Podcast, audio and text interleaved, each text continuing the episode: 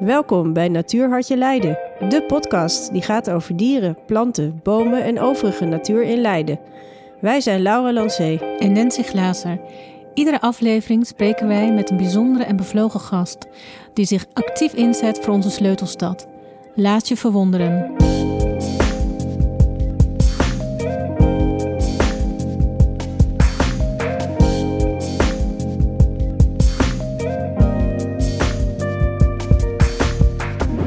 Sinds 2014 beschikt Leiden over een groene oase in de stad. Want zo kan je de stadstuinderij Het Zoete Land met recht noemen. Het dorre graslandje van Weleer is uitgegroeid tot een heuse oase met groenten, bloemen en de daarbij behorende insecten en het bodemleven natuurlijk. Ook veel mensen maken gebruik van de tuin als plukker of vrijwilliger, maar ook als bezoeker. Want de sociale functie is ook van belang voor biologisch tuinder Jessica Zwartjes. Zij was vanaf het begin, of zelfs nog eerder, betrokken bij de tuin en zonder haar was de tuin wellicht helemaal niet zo'n groot succes geworden als dat het nu is. Of zij het daarmee eens is en wat ze verder over de tuin, de achtergronden en de ontwikkelingen vindt, bespreken we vandaag met haar, want ze is hier. Hallo Jessica. Hallo. Fijn dat je er bent. Dankjewel, ja leuk. Ik, deed nogal een bouwde uitspraak door te zeggen dat zonder jou de tuin niet zo'n succes was geworden. Daar zullen we niet heel nou, diepgaand over hebben. Maar laten we wel beginnen bij het begin. Hoe is het Zoeteland tot stand gekomen? Uh, ja, dat is in 2012 was het eigenlijk al. Uh, toen waren de eerste initiatieven voor het singlepark uh, daar. En daar was eigenlijk een vraag of er ook ruimte was voor stadslandbouw. En toen kwamen ze op een of andere manier bij mij terecht. Ik weet niet waarom. Maar ik heb natuurlijk ooit in de, de, de Hof gedaan. Opleiding voor biologisch dynamisch tuinder. En daarna ook nog in de, in de, in de biologische landbouw gewerkt. en ja, toen de, de, toenmalige voorzitter van Single Park, daar heb ik toen een heel leuk gesprek mee gehad. En die, uh, ja, toen hebben we het eigenlijk over gehad van, nou, kan dat eigenlijk? Toen hebben eigenlijk onderzocht of het in Single Park mogelijk was. En dat bleek al snel een beetje moeilijk als je, als je er echt wat uh, serieus van wilde gaan maken. Ook omdat de grond niet overal schoon is. En omdat je ook niet overal uh, ja, stukjes een beetje kan afkaderen, zeg maar. Het is vrij smal. En uh, de locatie waar het Zoeteland nu is, uh, ja, dat, dat was altijd een beetje een vergeten hoekje. Of in ieder geval al een aantal jaren. En ik, ik zat er al met een schuin oog naar te kijken al van... hey, als ik ooit nog iets... Want ik woon natuurlijk ondertussen in de stad. En ik dacht, als ik ooit nog iets met landbouw wil... dan is dit misschien wel een kans. En uh, ik deed toen een opleiding voor, voeding, voor diëtisten eigenlijk. Ehm, maar toen kwam ik er eigenlijk tijdens de opleiding achter... dat ik liever toch weer de landbouw in wilde... En stadslandbouw was toen heel erg in opkomst. In Rotterdam was het heel actief, in Den Haag, Amsterdam. En nou, Leiden is natuurlijk een hele dichtbebouwde stad. Dus het is natuurlijk prachtig als je dan een kleine oase kan creëren met, uh, met stadslandbouw. Zeker. Zo is het begonnen. Dus het geeft veel uh, aanleiding tot gesprekken, diëtisten, landbouw. Ik vroeg me eigenlijk af, de je noemt het eigenlijk al, dat er een trend was uh, richting stadstuinbouw, uh, stadstuinderij, uh, landbouw in de stad. Um, is dat inderdaad een toenemende trend die je ziet overal? En hoe denk je dat die komt? Waar komt die vandaan? Die wil van mensen om zelf hun groenten te gaan verbouwen, ineens misschien? ja, de, de wil, het is niet alleen maar omdat mensen het leuk vinden om te tuinieren, maar het is vooral ook de zorg om het landbouwsysteem, om, om ons voedselsysteem eigenlijk. Uh, dus je hoort nu heel veel uh, termen als korte keten, uh, eten van lokaal voedsel, eten van dichtbij. ja, dat zijn eigenlijk ontwikkelingen die voortkomen uit de zorg, zorgen rondom ons voedselsysteem. heel veel producten komen van heel ver weg. We eten heel veel producten die niet van het seizoen zijn en dan in, ingevlogen worden of van ver met boot naartoe getransporteerd worden. En uh, ja, de vragen uh, van uh, kan het ook anders? ja, ik denk dat daar, daaruit voortkomt dat mensen ook willen laten zien van nou kijk, in de winter is die tuin gewoon kaal en groeit er gewoon niks. En ook willen laten zien van nou zo lang duurt het dus voordat er een bloemkool oogst klaar is. En, en heeft dus die opkomst denk je van de, die, de wens van mensen om de landbouwketen te veranderen, heeft dat ook te maken met een bepaalde ontwikkeling? Of is dat gewoon toevallig een jaar of tien geleden gestart uh, omdat het te veel werd? Of zat er ook echt een kentering, een kantelpunt in? Uh, ik denk dat het kantelpunt nu gaande is. Okay. Ik bedoel, uh, bedoel je in het bewustzijn of in, in, in, in, in de ja, daadwerkelijk nu de korte... Uh, nou ja, ik denk dat het nu nog, steeds wel gaande is. Ik denk dat nog heel veel mensen er nog, nog niet echt van bewust zijn. Als je ziet wat mensen in hun boodschappenkarretje gooien... en wat er nog steeds uh, aangeboden wordt in de supermarkt. Ja. Dat geeft mij... Uh, dat, ja, dat vind ik wel een beetje zorgelijk eigenlijk. Ja. Het is nog steeds de boontje uit Kenia. En nou ja, dat ja. ja, denk ik, waarom? Ja. We zijn niet meer gewend om, om, om te denken in seizoenen. Van nou, boontjes zijn in Nederland vanaf juli, zo, juli, oktober. En ja, dan moeten we daaromheen. In het voorjaar eet je dan bijvoorbeeld pultjes. En dan, hè, dan, kan je het een beetje spreiden in verschillende soorten bonen. Maar mensen willen gewoon jaar rond sperzieboontjes. Ja. En dat, ja. Uh, dat blijft natuurlijk... En aardbeien met kerstmis? Ja, en die zijn niet eens lekker. Nee. Ja, nee, die smaken naar niks. Nee, die zijn inderdaad wat minder lekker. Ja, die komen ook niet uit Nederland waarschijnlijk. Nee. Nee. nee. Um, Oké, okay, dat, uh, dat singlepark kwam op en de wens om uh, landbouw te bedrijven. En toen zag je dat landje en daar liepen wat mensen met een een uh, langzame labrador en een, uh, en een uh, hippe herder die daar hun hond uitlieten. Maar veel verder werd er op dat landje niet uitgevreten eigenlijk. En toch zag jij daar een tuin in. Hoe ging dat in zijn werk? Zag jij meteen voor je, hier kan van alles bloeien? Of zag je, ja, oh, zeker. het is dorre grond? Nou, het is inderdaad uh, dorre grond, was het. Nu niet meer trouwens, maar uh, was het zeker. Het, was, uh, het is, ligt een, een, pakket van een meter zandgrond op, wat ja, wat heel arm is. En uh, dat ja, echt maar 1% organische stof uh, voor de kenners onder ons. Dat is niet zoveel. Uh, dus we hebben daar echt in de laatste 7, 8 jaar ja, heel veel aan gewerkt om er vruchtbare grond van te maken. maar ik zag meteen qua ligging ook de potentie die daar was. Want het, het is een hele beschutte, beschut veldje. ligt op het zuiden. Een mooie haag eromheen van het plantsoen. Waardoor je ook veel insecten hebt die ook weer natuurlijke vijanden kunnen zijn voor plaaginsecten op de tuinderij. Als je echt in midden in, uh, in de open polder iets zou beginnen, dan moet je veel meer moeite doen om die balans, de ecologische balans, uh, te krijgen. Dus eigenlijk was dit stadse tuintje, wat er heel armoedig en dorrig uitzag, eigenlijk vrij geschikt voor een goede Qua ligging zeker, ja. ja. ja. En ook natuurlijk qua ligging in de buurt. Hè? Dus je kan ook op deze manier heel veel mensen bereiken. Je loopt er zo naartoe. Iedereen komt te voet of op de fiets naartoe. Dus uh, ook heel milieuvriendelijk. ja, en, en, toen had, had je dat veldje gekozen en uh, geselecteerd. En toen? Dacht je, ik ga eens even dat zand bekijken? Of heb je toen grondmonsters gemaakt? Hoe ben je begonnen met het verbeteren van de grond? Ja, er, is natuurlijk wel een hele belangrijke stap vooraf gegaan. We moesten natuurlijk, kijk, het veldje is natuurlijk niet uh, van, van ons. Dus dat moest wel uh, uh, ja, kijken hoe we dan daar konden beginnen. Dus we hebben met de gemeente nog eerst anderhalf jaar rond de tafel gezeten. Natuurlijk. niet elke dag, maar het duurde in ieder geval anderhalf jaar voordat we daar een gebruiksovereenkomst kregen voor één jaar. Dus dat was wel een, een wankele basis, zeg maar, om te beginnen. Maar we hebben toch besloten om het te doen en te laten zien dat het echt een meerwaarde kan betekenen voor Leiden. En uh, ja, dat we dan uh, in de hoop dat we daarna weer verder konden gaan. Uh, nou, nu kan ik zeggen dat het gelukt is. We hebben nu een tienjarig contract, dus dat is heel, heel, heel, fijn. Voor, ja. ja. fijn hoor. Zeker. en ja, we zijn dus begonnen inderdaad eerst met de grondmonster te nemen. Kijken hoe is die bodemopbouw. Maar ook zit er geen vervuil, vervuilde stofvervuiling in de grond. Dat is natuurlijk wel echt de eerste stap die je moet nemen als je ergens wil gaan telen. Ja. Is het schone grond. En gelukkig was dat het. En uh, konden we zeg maar beginnen met uh, het gras uh, weghalen en daar gewoon gaan. De eerste jaar hebben we alleen maar groenbemester gezet, omdat die grond heel arm is. moesten we hem echt wel verrijken met meer organische stof. en wat is groenbemesting? Groenbemester zijn eigenlijk planten die veel wortelmassa en bladmassa aanmaken, opmaken. Uh, en waardoor je de grond uh, ja, eigenlijk vruchtbaarder maakt. Het is eigenlijk een natuurlijke vorm van bemesting. Oké. Ja, en je kan het nog met uh, vlinderbloemigen doen, waardoor die, die, die binden ook nog stikstof uit de lucht in samenwerking met bodemleven.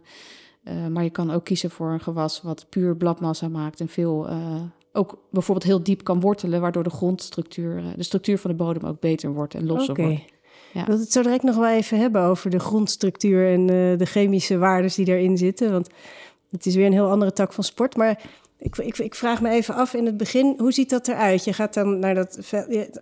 Heb je dat uh, veld afgegraven en toen gevuld met, uh, met, met, met, met groenbemesting en dat toen omgespit? Of Nou, we hebben niks afgegraven. Niks Nee, we hebben het eh, Nee. in het begin eh, was de gemeente zo eh, aardig om het voor ons te frezen. Dus dat het frezen is natuurlijk eigenlijk niet- helemaal niet goed voor de bodem. Nee.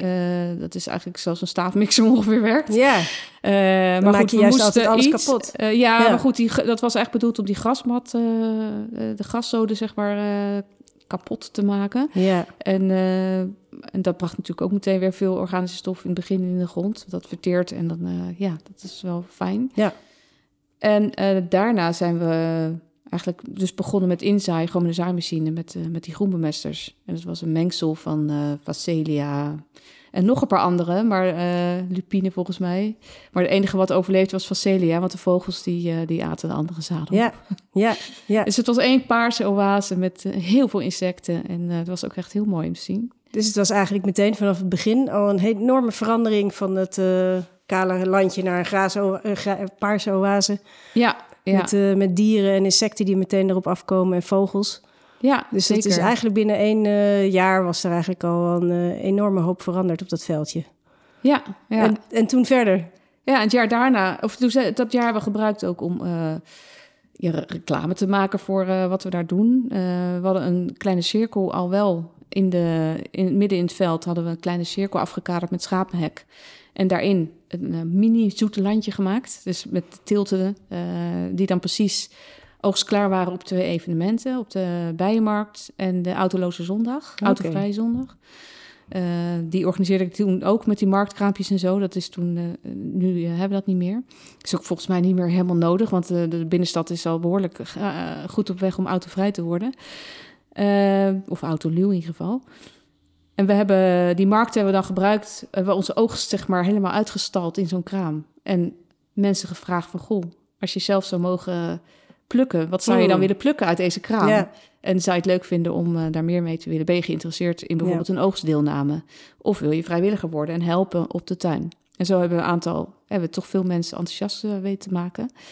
En eh, ja, dat gaat dan ook een beetje mond-op-mond reclame. De, de rest doet eigenlijk, ja, het gaat eigenlijk eh, gaat de rest vanzelf. ja, En ik had ook een onderzoekje in de wijk gedaan, ook nog vanuit mijn opleiding voeding en, voeding en diëtetiek. Eh, om, ja, je moet natuurlijk ook, omdat die buurtbewoners daar heel dichtbij wonen, moet je ook eh, de buurt natuurlijk meekrijgen en enthousiast eh, Ja. maken. En ook aan hun gevraagd van, goh, stel dat hier stadslandbouw komt, wat vind je belangrijke waarden? En waarden als veiligheid of een identiteit aan het gebied of ja. bepaalde begroeiing. Of nou ja, er kwam van alles uit. Dus op die manier kan je de buurt er ook bij betrekken. En dat is wel echt een van de voorwaarden.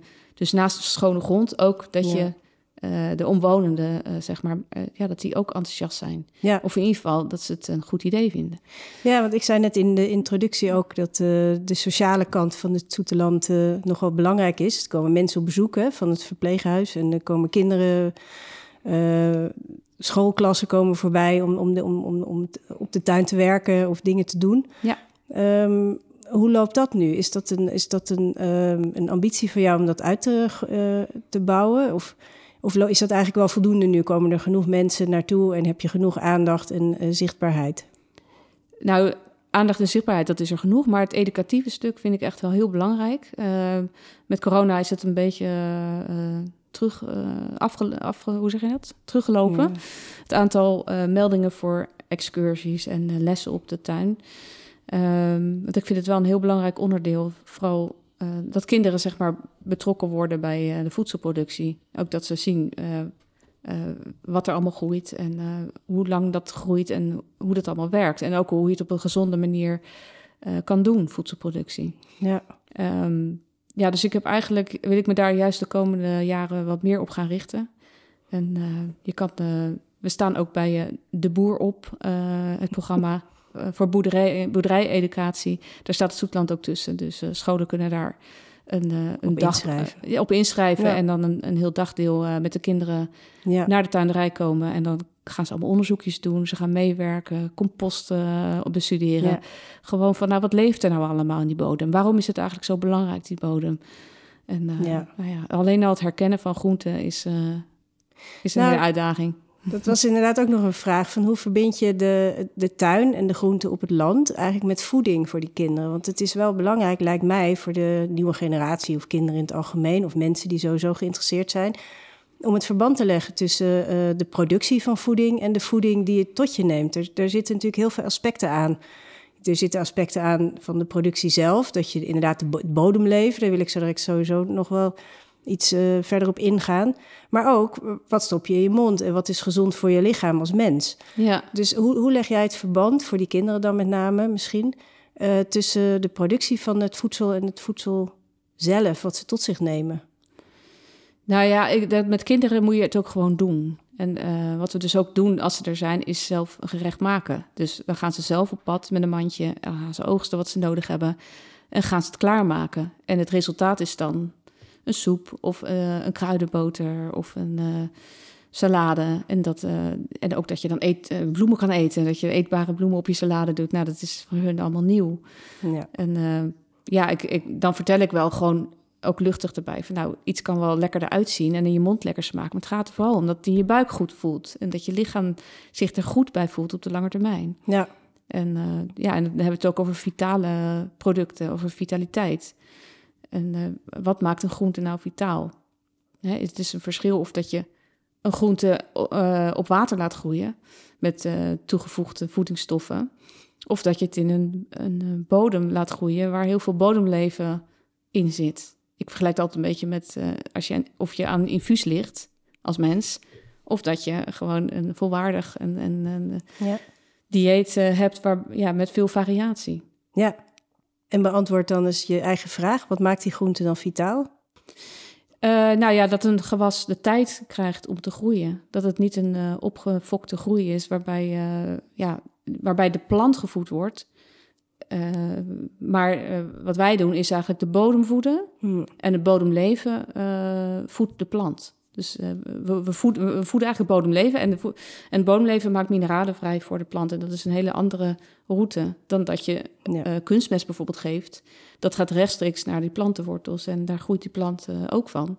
Ja. Maar op een hele andere manier. Dus er is veel meer een communicatie tussen die plantenwortels en het bodemleven dat wat de, de, de, plant geeft weer suikers aan het bodemleven en het ziet als een soort van uitwisseling.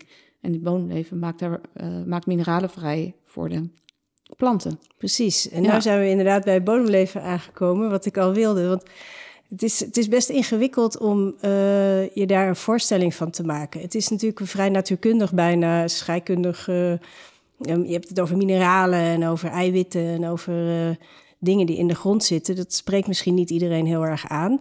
Maar zou je eens kunnen beschrijven misschien um, dat door een landje met, uh, met zand eronder. Dan, zand kan iedereen zich wel een voorstelling van maken. Dat is gewoon zand, het zijn korreltjes. Het ziet er een beetje beige uit en dat ziet er zo uit. Maar als je nu een, een bodemmonster zou maken van uh, het zoete land, wat zie je dan? Zitten daar dieren in? Zitten daar stukjes blad in, korreltjes? Hoe ziet dat eruit, zo'n zo'n bodemmonster? Ja, dat is echt wel veranderd. Van een, een lichte, zandkleurige grond... wat zo tussen je vingers zeg maar zo doorcijpelt als, je, als het droog is... naar een, een, een, een, een grond dat als je, als je zeg maar tussen in je hand houdt... dat je er echt een beetje een, een rolletje van kan maken. Dat heeft veel meer structuur, veel meer samenhang gekregen. de bovenlaag is een stuk donkerder geworden... Hmm. je ziet veel meer wormen in de grond dan, dan in het begin...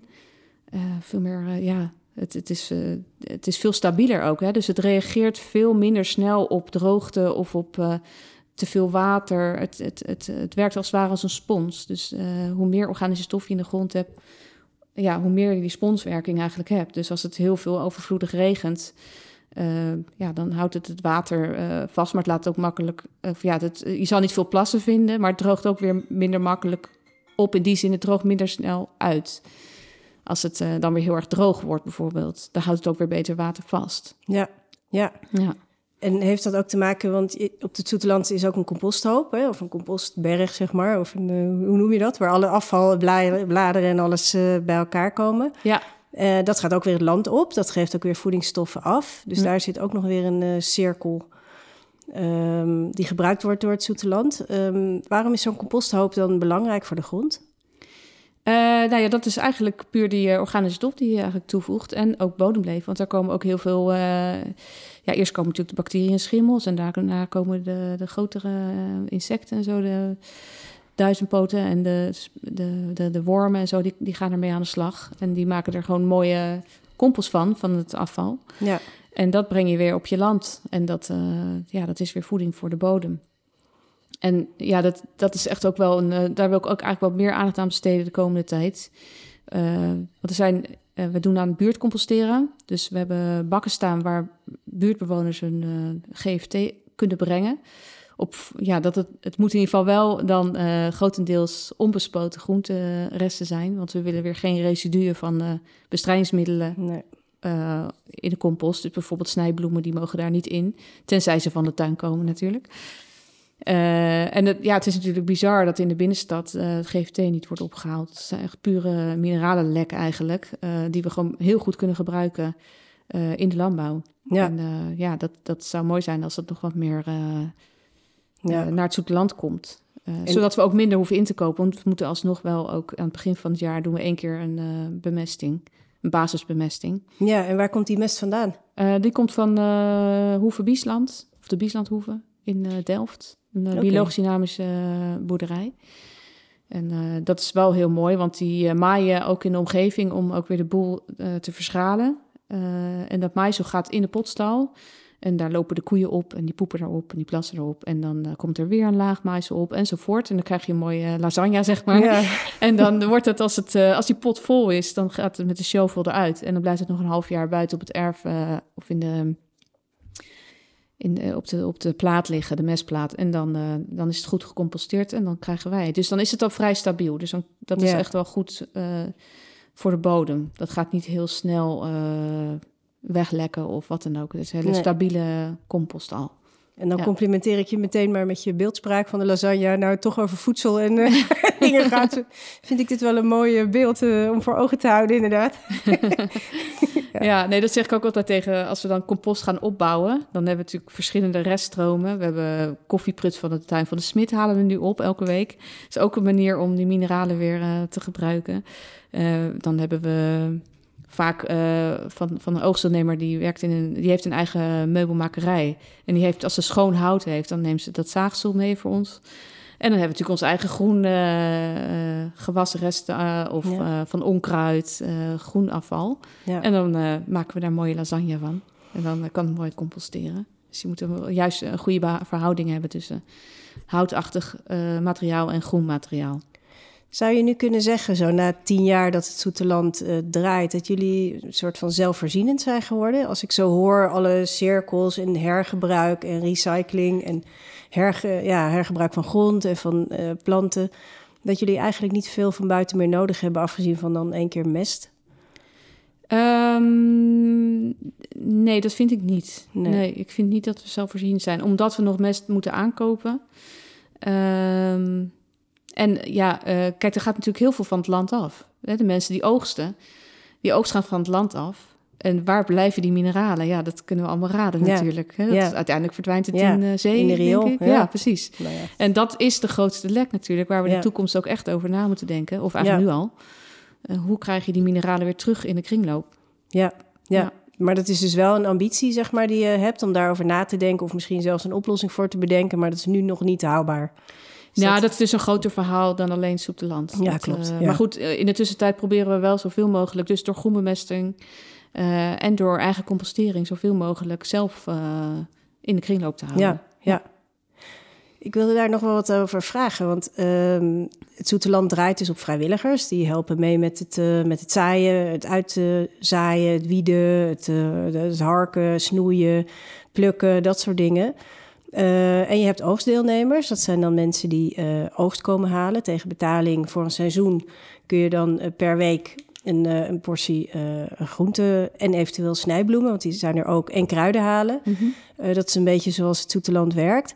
Ehm, maar wat mij altijd verbaast, ik volg het al langer, het Zoeteland. En wat mij altijd verbaast of wat mij intrigeert is, hoe krijg je eh, de oogst zodanig dat je iedere week voor iedereen een redelijke portie hebt?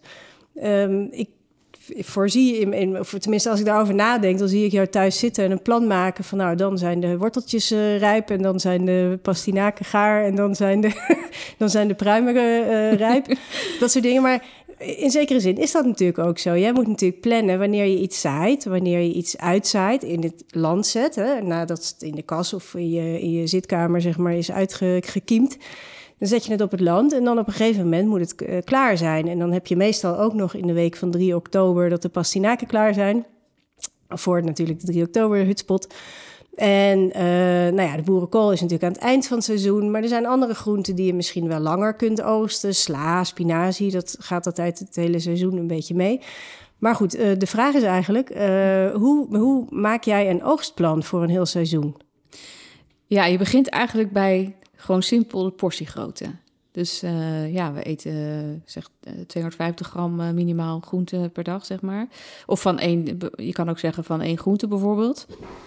Uh, en dat doe je natuurlijk niet met alles, want de krop sla is, is, is, varieert in gewicht. En dan heb je het over stuks. Dus je hebt het of over stuks. Een bloemkool is natuurlijk weer zwaarder dan 250 gram. Dus dan heb je het over één bloemkool.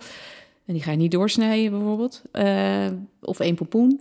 Of je hebt het over een gewicht. En dan weet je hoeveel mensen oogsten ervan. En hoeveel komt er van een vierkante meter. Hoeveel oogst komt er van een vierkante meter. Uh, dus stel, daar komen drie pompoenen van een vierkante meter, ik zeg maar wat. Uh, en je hebt 130 oogstnemers. Nou, dan heb je meer dan 40 vierkante meter nodig. Hebben, heb je dan nodig om iedereen één pompoen te geven. Dus zo reken je een beetje. Yeah. Van, en dan ga je kijken van, nou, wat zijn de zaai- en planttijden en de oogsttijden. En dan ga je dat inplannen. En daarna ga je kijken heb je dan uiteindelijk een mooie variatie uh, per week.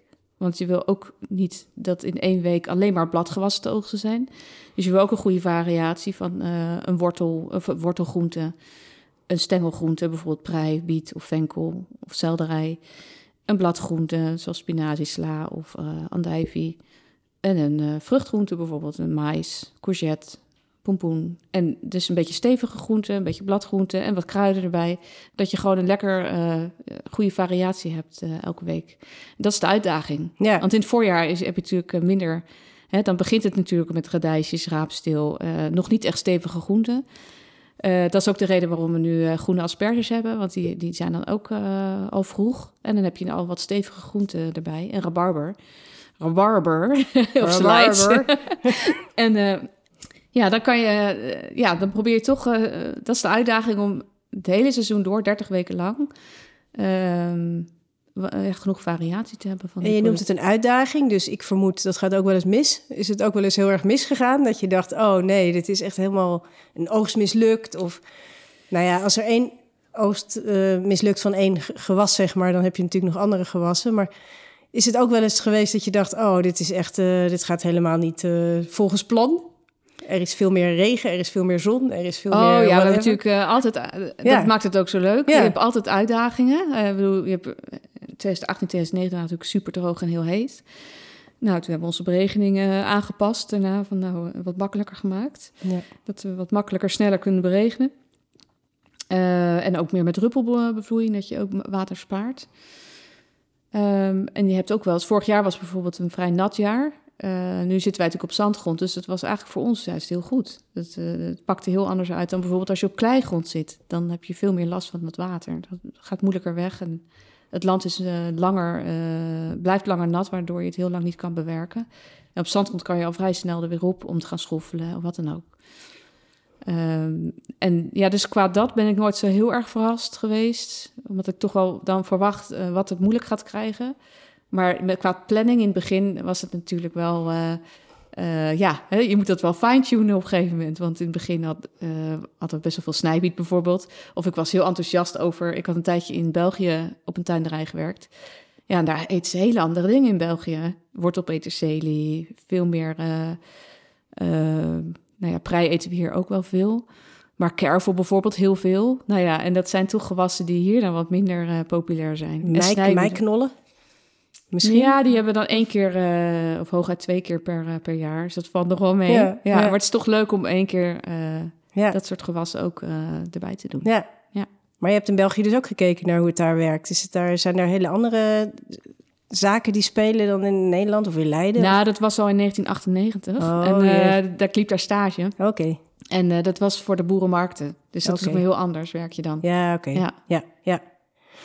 Dan wilde ik nog even kijken naar de, de dieren op het uh, Zoeterland. Want uh, we, zijn natuurlijk, we hebben nu de planten gekeken. En we hadden in het begin al even over insecten en de wormen onder de grond natuurlijk.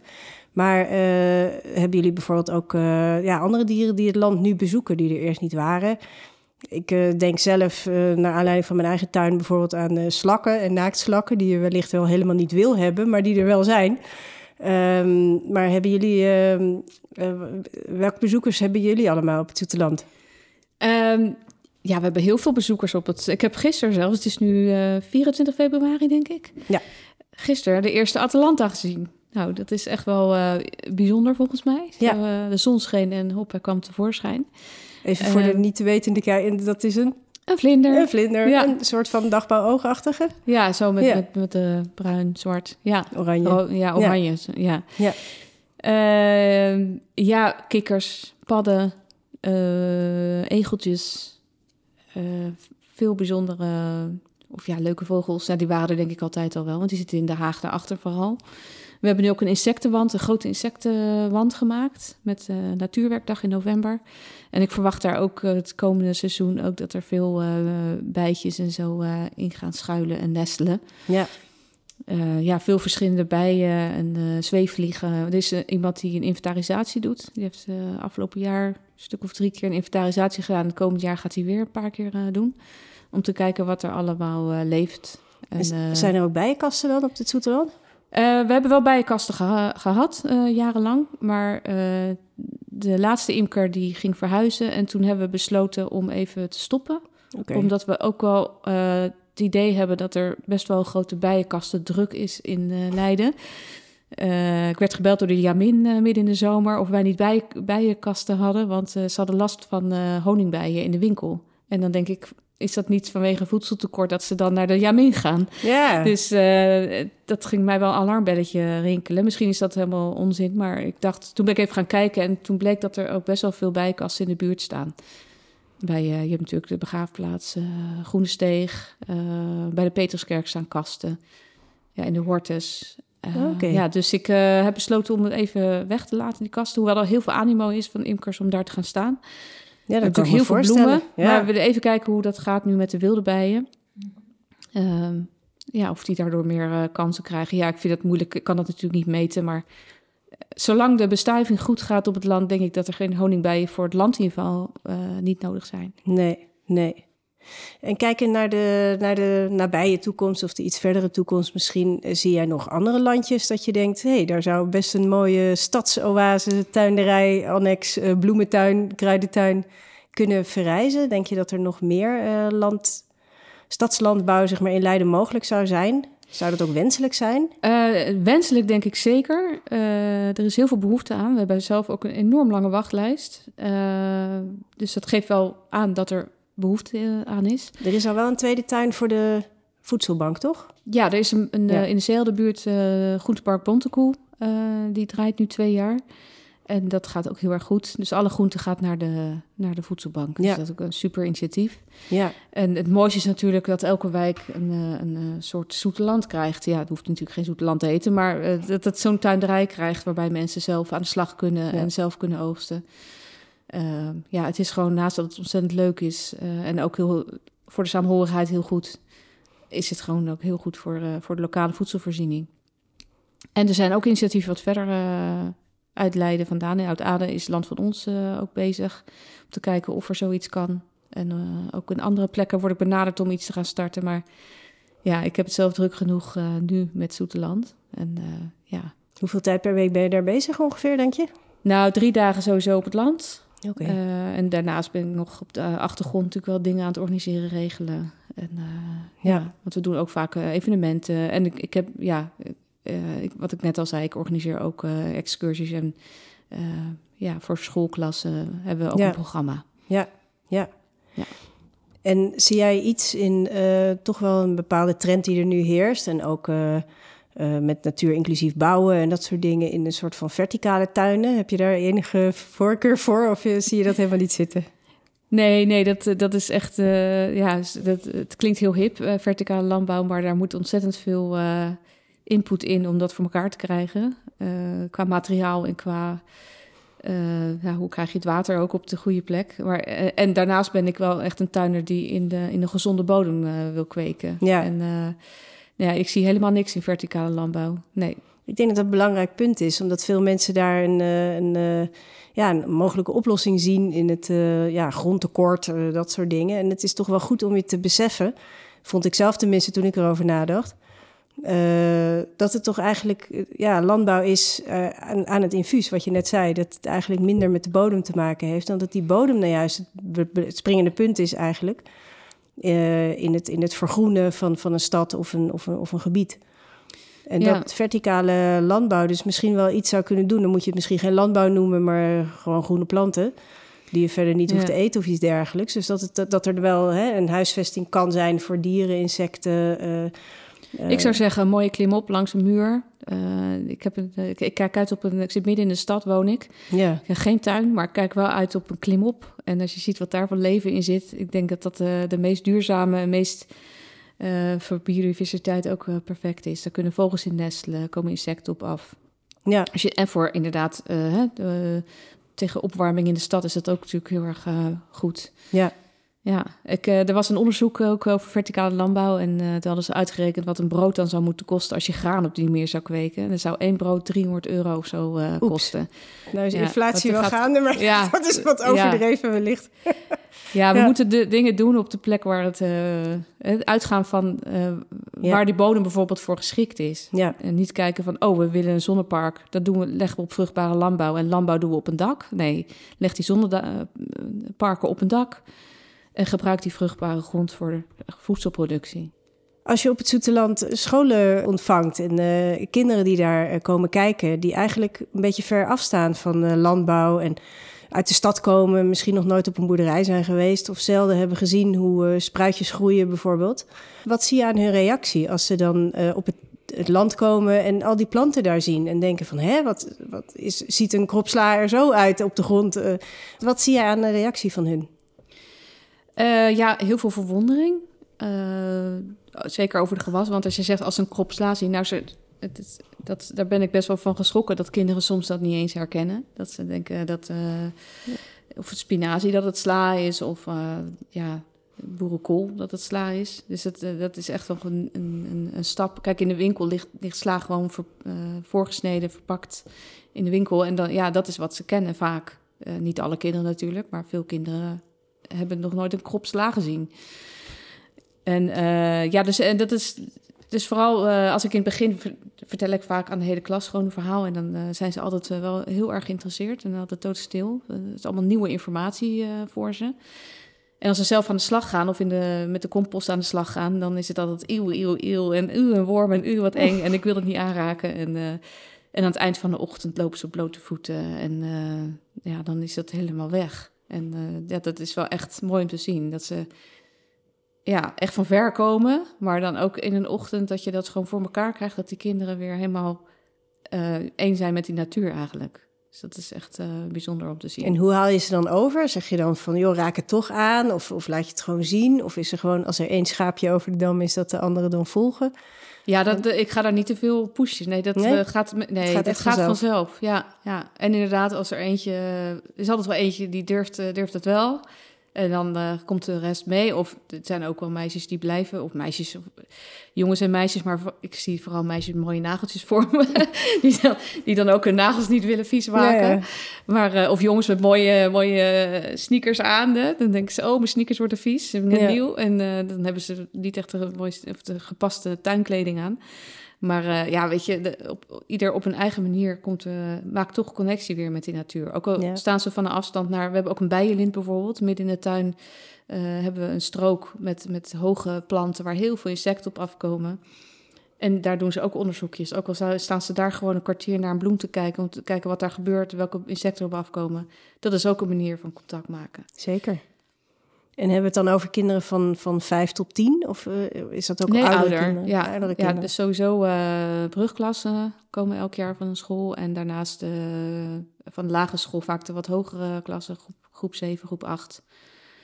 Ja. ja, en ook wel studenten die komen, die vanwege een scriptie wat ze schrijven. Of, maar dat is dan meer ja. in een andere vorm dan. Ja. ja, maar je ziet dus eigenlijk wel als kinderen niet uh, die connectie maken of de gelegenheid krijgen om die connectie te maken, dat er bepaalde kennis ook verdwijnt. Dat uh, bepaalde kennis over bijvoorbeeld kruiden, die ook geneeskrachtig kunnen zijn of uh, goed voor je kunnen zijn, misschien op je huid kan smeren tegen, tegen huidirritaties of whatever. die kennis verdwijnt ook, maar ook de, de kennis van de bodem misschien. Zie je daar nog een een, een, een, probleem, zeg maar, dat, dat echt hersteld moet worden, omdat mensen gewoon meer die connectie moeten voelen. Ja, dat zie ik zeker wel een uh, hele grote taak om in het onderwijs vooral dat ja. op te pakken. Kinderen moeten veel meer naar buiten, veel meer beleven, veel meer zien als het gaat over de issues waar we nu mee te maken krijgen. Van wat, wat de consequenties daarvan zijn als je het niet goed verzorgt. En het begint allemaal met de verbinding met de natuur. En dan kan je daar ook voor gaan zorgen en ook het herstellen, zeg maar. Ja. Als je die connectie niet hebt, dan heb je geen idee waar, waar gaat het over. Of dan zie je de natuur in cijfers of in nee. Dus dan, dan, zie je het ook echt als een veel breder vraagstuk dan eigenlijk uh, voeding en bodem, maar eigenlijk breder als een, een, een, een, een wereldomvattende zeker, probleem zeker, en consequenties ja. die gaan, gaan krijgen van ons gedrag. Ja, en ja. Ik, ik, laat, ik vertel de kinderen ook altijd dat je elke dag uh, door wat je eet meebeslist over hoe de wereld eruit ziet. Ja. Hè? Dus eh, bijvoorbeeld als jij uh, veel vlees eet, uh, hè, dat, dat, dat, dat de koeien voer eten wat weer uit de Amazone komt. Of in ieder geval dat daar dan weer de Amazone voor gekapt wordt om, om daar weer soja te produceren. Ja. Wat dan weer in grote schepen weer hier naartoe komt om vee te voeren. Om voor jou een stukje vlees. Ja. En zonder een schuldgevoel aan te praten hoor. Maar wel dat mensen, kijk kinderen moeten ook die keuze kunnen maken. En ja. daarvoor hebben ze toch die kennis ook nodig. Ja.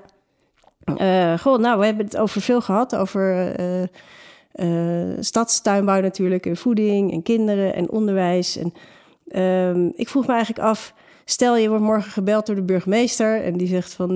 Jessica, jij mag een week lang ehm, doen wat je wil in de stad. Je mag... besluiten nemen die gevolgen hebben voor de, voor de toekomst. je mag besluiten nemen die, die voor, je, voor jou belangrijk zijn. Wat zou je graag willen doen in de stad Leiden? Um, in de stad Leiden specifiek? Nou ja, hij is niet de burgemeester van Nederland. Ja, dus ja, ja, precies. Nou ja, laat ik beginnen bij Leiden. uh, ik zou uh, willen dat op alle scholen uh, voedseleducatie onderdeel wordt van, van de vakken die ze krijgen. Uh, dat de kinderen dan ook veel meer naar buiten gaan, zelf uh, een schooltuin hebben op het schoolplein en uh, ook misschien daarmee gaan koken op school, in een keuken op school. en dat ook vooral de Leidse schooltuinen, daar gaan de kinderen nu natuurlijk al naartoe, dat die behouden blijven. Dat, die, dat is echt een heel belangrijk onderdeel waar kinderen ook altijd een hele goede herinnering aan hebben, merk ik. Um, verder zou ik ervoor zorgen dat elke wijk een eigen wijktuin krijgt waar voedsel verbouwd wordt. En ja, welke concept dat per tuin uh, wordt, dat is dan echt afhankelijk van uh, de wijk waar het komt. Waar hebben mensen behoefte aan? Wat vinden ze leuk? Vinden ze het leuk om een eigen stukje grond uh, te onderhouden? Of willen ze liever, net als op het een gemeenschappelijke tuin? ja, dat daar veel meer werk van wordt gemaakt. En ja, doe wat met die gronden waar niks mee gebeurt nu. En maak er iets. kijk welke beplanting je aanlegt. Ga niet op een in een park uh, bomen planten die er eigenlijk niet thuis horen. Maar kijk, uh, kan je ook eetbare uh, appelbomen of fruitbomen neerzetten. Eetbare bomen bedoel ik niet, maar bedoel met fruit ja. eetbare gewassen planten. Hè, ja. Zodat je dan, of notenbomen, ja. dat gewoon het voedsel straks ook voor het oprapen ligt letterlijk. En niet alleen voor de mensen, maar ook voor de dieren. Ja, ook voor de dieren. Ja, ja. zeker. Nou Jessica, ik zou zeggen Jessica voor burgemeester, maar daar ga ik niet over. uh, wel wil ik je heel hartelijk bedanken voor dit gesprek. Ik vond het een uh, educatief uh, en toch leuk verhaal over grond en, en voeding, waar mensen toch misschien niet altijd over nadenken. Dus heel hartelijk dank voor al je informatie. Graag gedaan.